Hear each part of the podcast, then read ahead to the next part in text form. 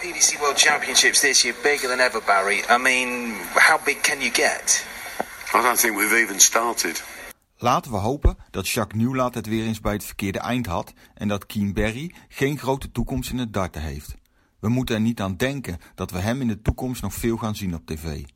Of eigenlijk niet zien. Snel, oké, maar Berry leek voor het donker thuis te moeten zijn. Zo snel smeet hij zijn pijlen in het bord. Nee, doe ons dan maar Colin Riders, ook pas 21 en snel, maar nu al de worp van een toekomstige topspeler. Het waren iets wat saaie sessies de afgelopen dagen.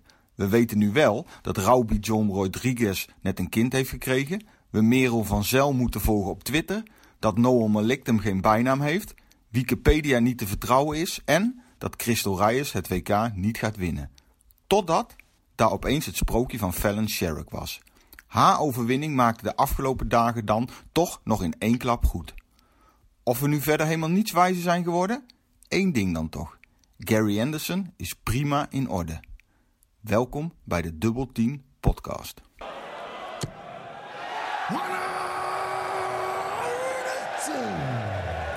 Daar zijn we weer, de Dubbel 10 podcast. Ja, en zoals ik in de inleiding zei, eigenlijk was het uh, toch best wel een saaie, waren het toch wel een best saaie twee dagen. Fallon Sherrick maakte het goed, kom ik straks op terug, maar er waren veel partijen waar gewoon eigenlijk niet doorheen te komen was. Laten we ze even heel kort bij pakken. We begonnen maandag. Maandag hadden we alleen een avondsessie. Begonnen we met Steve Lennon tegen Kellen Riders. Kellen Riders vond ik overigens wel een hele leuke speler om naar te kijken. 21 jaar pas, speelt, uh, speelt snel, niet overdreven snel. Het schijnt dat hij vroeger nog sneller, uh, nog sneller gooide. Maar uh, hij heeft prachtige worpen. Een hele, hele leuke speler om naar te kijken. Ging tot de vijfde beslissende leg. Riders won. En ik denk dat Lennon zich dat toch ook wel ja, kan aantrekken. Veel ervarene. Maar uh, ik denk dat het voor het toernooi wel leuk is dat, uh, dat Riders doorgaat. Er zit toch iets meer, uh, iets meer sjoegen aan als aan Steve Lennon. Die wat pijltjes naar een bord gooit en nou ja, zijn gezicht niet echt daarbij vertrekt. Toen kregen we William O'Connor tegen Marco Kantelen. Nou, dat was echt een uh, verschrikkelijke partij. Kantelen, de man met de trillende pijlen. Ja, dat was echt pff, niet om doorheen te komen. Gelukkig won uh, William O'Connor, die niet geweldig speelde. Wat ook niet makkelijk is tegen een langzame speler als Kantelen. Met 3-0. En dat was snel, snel afgelopen, gelukkig.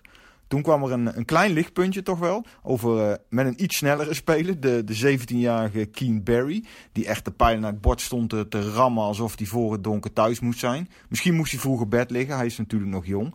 Maar Van der Voort speelde het echt, uh, echt heel goed uit. Hij nam zijn eigen tempo. En op routine won hij eigenlijk de wedstrijd.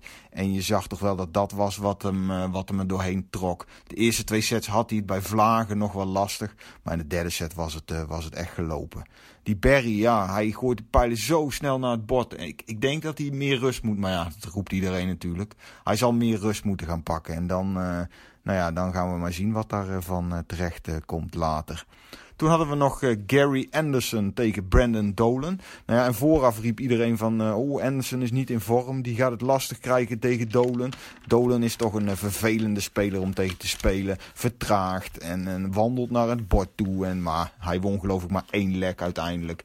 En Anderson die zag het toch wel, hoe, het was niet geweldig. Maar die zag er toch wel redelijk scherp uit. En die won gelukkig vrij makkelijk met, met 3-0. Er was een maandag om, uh, nou ja, buiten Vincent van der Voort eigenlijk toch wel uh, snel te vergeten. Vooral die eerste twee partijen was uh, niet doorheen te komen.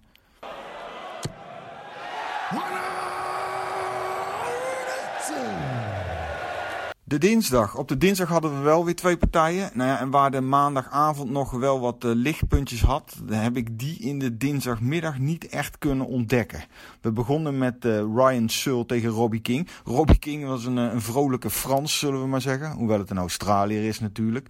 Um, leek veel plezier te hebben op het podium. En daar had Searle toch wel last van, dat zag je wel. het zat dichter bij elkaar als vooraf gedacht, als vooraf gedacht was. Searle won die partij toch wel zonder echt goed te spelen hoor. En het zal echt een stuk beter moeten tegen Steve West. Wil Searle daar uh, enige potten kunnen breken. Toen kregen we Christo Ryans tegen Lawrence Ilagan. Ja, en hoe Ryans die partij nog won, dat was niet te geloven. Hij kwam met 2-0 achter. Er zat geen enkel vertrouwen in zijn spel. Gooide bijna helemaal niks. En die Ilagan die, die danste net als vorig jaar tegen Van der Voort. Heel zelfverzekerd als een haantje over het podium. Maar op de een of andere manier verloor hij dan toch nog die wedstrijd. Geen idee hoe dat eigenlijk gebeurd is. En Crystal Reyes, ja, nou, geen idee. Hij won hem. Hopelijk doet het iets goeds met hem. Maar hij stond echt te pijlen zonder overtuigingen naar het bord te, te smijten. Hij won dus met 3-2. En zonder overtuiging was ook uh, Raubi John Rodriguez. Man, man, man. Die speelde tegen Noah Malikdem. Malikdem werd toch wel veel van verwacht uh, vooraf was ook niet, was erg moeizaam allemaal. In de eerste set gooide Rodriguez maar liefst 75 gemiddeld. Het was echt, er zat ook, net als bij Reyes eigenlijk, geen enkel geloof in. Je had geen moment het gevoel dat hij, uh, dat hij ja, waarom die op podium stond, was eigenlijk een grote vraag. En toen kregen we nog een, een boorvest. Uh, Ratajski tegen Lergbach. Lergbach is natuurlijk al niet een van de snelste spelen. Ik heb hier in mijn aantekeningen staan. het was uh, erg saai allemaal. Lergbach pakte wel de eerste set. En Ratajski ja, die kwam heel degelijk. Won die de partij toch uiteindelijk. Vrij makkelijk met 3-1. Ook weer een middag om uh, snel te vergeten.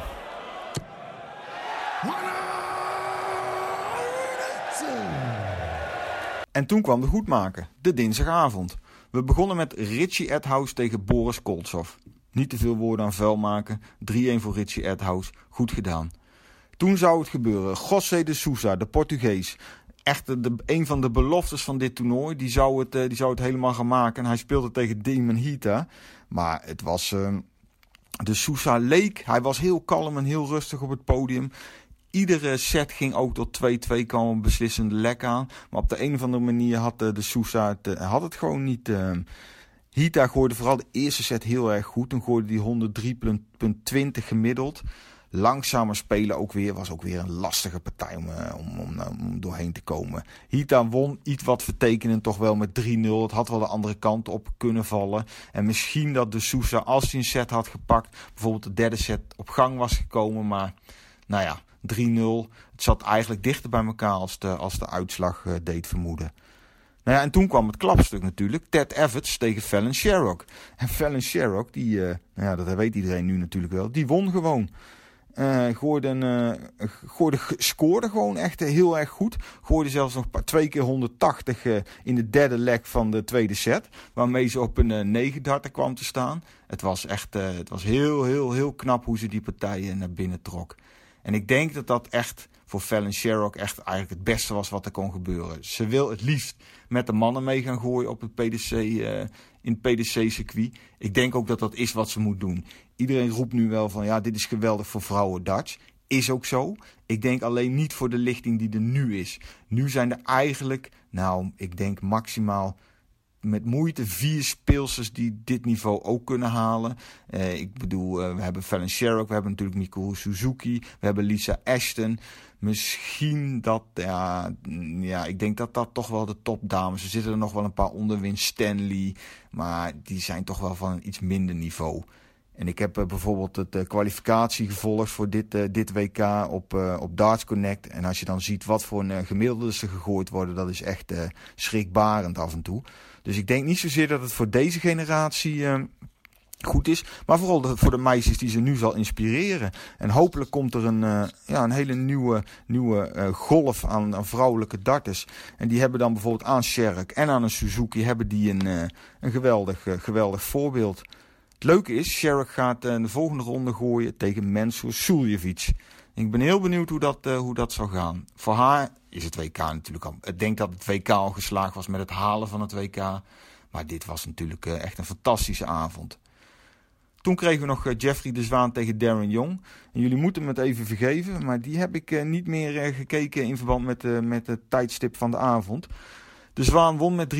Schijnt een hele zware partij geweest te zijn. Darren Young schijnt wedstrijd darts gehad te hebben. De Zwaan wint met 3-2.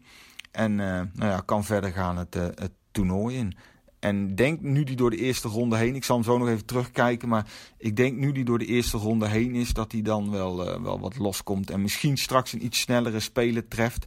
En dat hij dan iets makkelijker, iets makkelijker in zijn spel komt.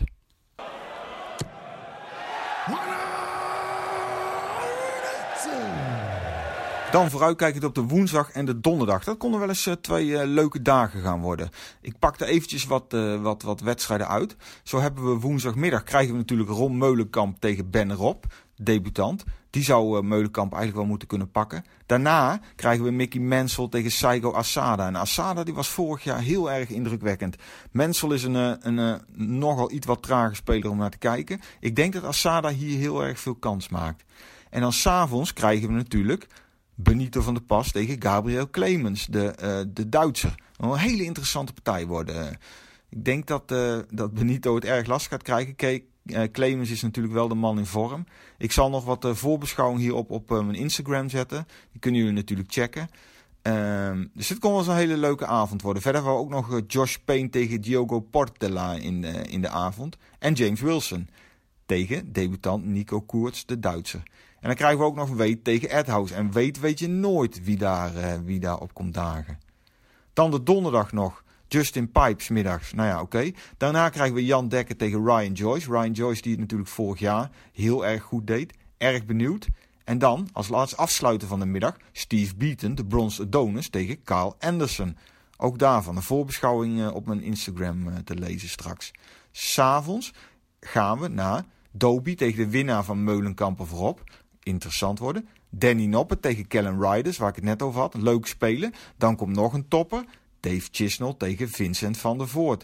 Ik ben benieuwd. Ik denk, Vincent van der Voort heeft goede hoop op dat hij het uh, weer moeilijk kan maken. Maar Chisnell draait echt een goed jaar. Ik denk dat Chisnell ver gaat komen in het, uh, in het toernooi. Ik, ik verwacht dat het een hele makkelijke overwinning voor Chisnell wordt. En dan als afsluiten natuurlijk de tweede favoriet bij de bookies.